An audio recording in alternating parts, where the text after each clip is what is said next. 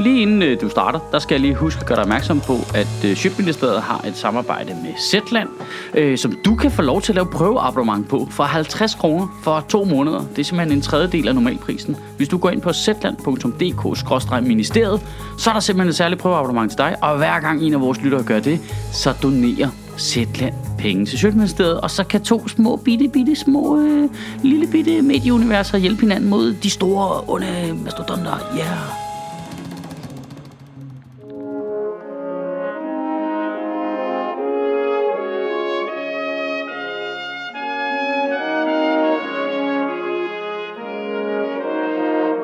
Goddag. Så for helvede. Så startede sidste sæson endelig. Og jeg skal nok lade være med at spoile. Jeg skal nok lade være med at spoile, men jeg antager, at I alle sammen har set det seneste afsnit af Brexit. Ja, det har I ikke også? Sidste uge, der fik Storbritannien udsat øh, datoen for Brexit for anden gang. Så nu arbejder de med tredje dato for øh, Brexit simpelthen. Ja, det er, det er der, vi er nu. Det begynder at minde om det der Jehovas vidner, der forudser jordens undergang. Ikke? Det bliver næste år, dør vi alle sammen. Nej, okay, så næste år, året efter. Og det, det faktisk betyder, det er, at nu skal Storbritannien holde et Europaparlamentsvalg til et parlament, de ikke gider sidde i. Ah, men det må blive den mest grinerende valgkamp nogensinde. Folk der bare, stem på mig, fordi who gives a fuck. Jeg håber, det bliver lige så sjovt, som jeg forestiller mig i hovedet. Der bare bliver sådan nogle paneldebatter på fjernsyn, hvor der bare sidder 12 mennesker og er sådan, jeg ved det ikke, altså jeg har bare fået snacks ude bagved. Og nu har jeg tænkt mig, at vi lige skulle gennemgå, hvad der er sket siden sidste sæson af Brexit. Og det kunne jeg jo egentlig godt illustrere ved bare sidde her og slå mig selv i panden i 7 minutter.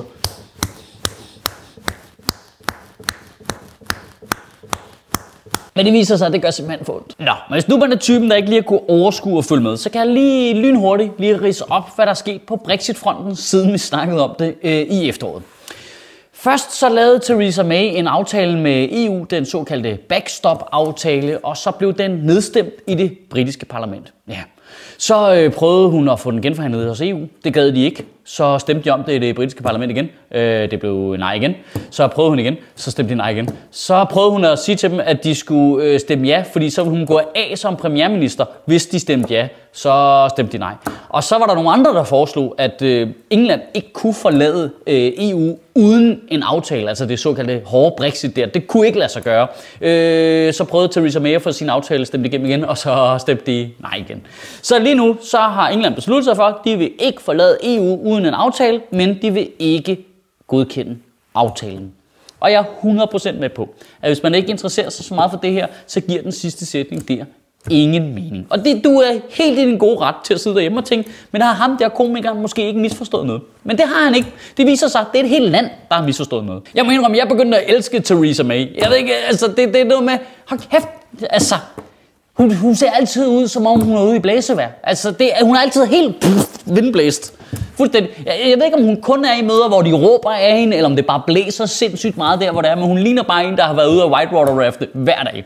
Men det er jo også det, er jo også det Brexit er jo. Det er jo bare alle de engelske politikere ned i en gummibåd på vej ned ad en fuldstændig vild flod, der roer i hver sin retning hvor øh, Labour-lederen Jeremy Corbyn, han prøver desperat at ro ind mod bredden igen, mens Boris Johnson, han prøver desperat at holde den ude midt i floden, så den kan styrte ud over det der vandfald, der kommer lidt længere ned, mens Theresa May bare sidder midt i båden og siger, jeg sagde, vi skulle være taget på den tur her. Og alt imens så står øh, Morten Messerschmidt og Kenneth Christensen Bært og Peter Kofod fra Dansk Folkeparti inde på bredden og kigger på det og tænker, uh, det vil vi også prøve. Nu fik jeg på en eller anden måde Brexit til at lyde lidt sjovt og spændende. Det er måske en kommunikationsmæssig øh, fejl.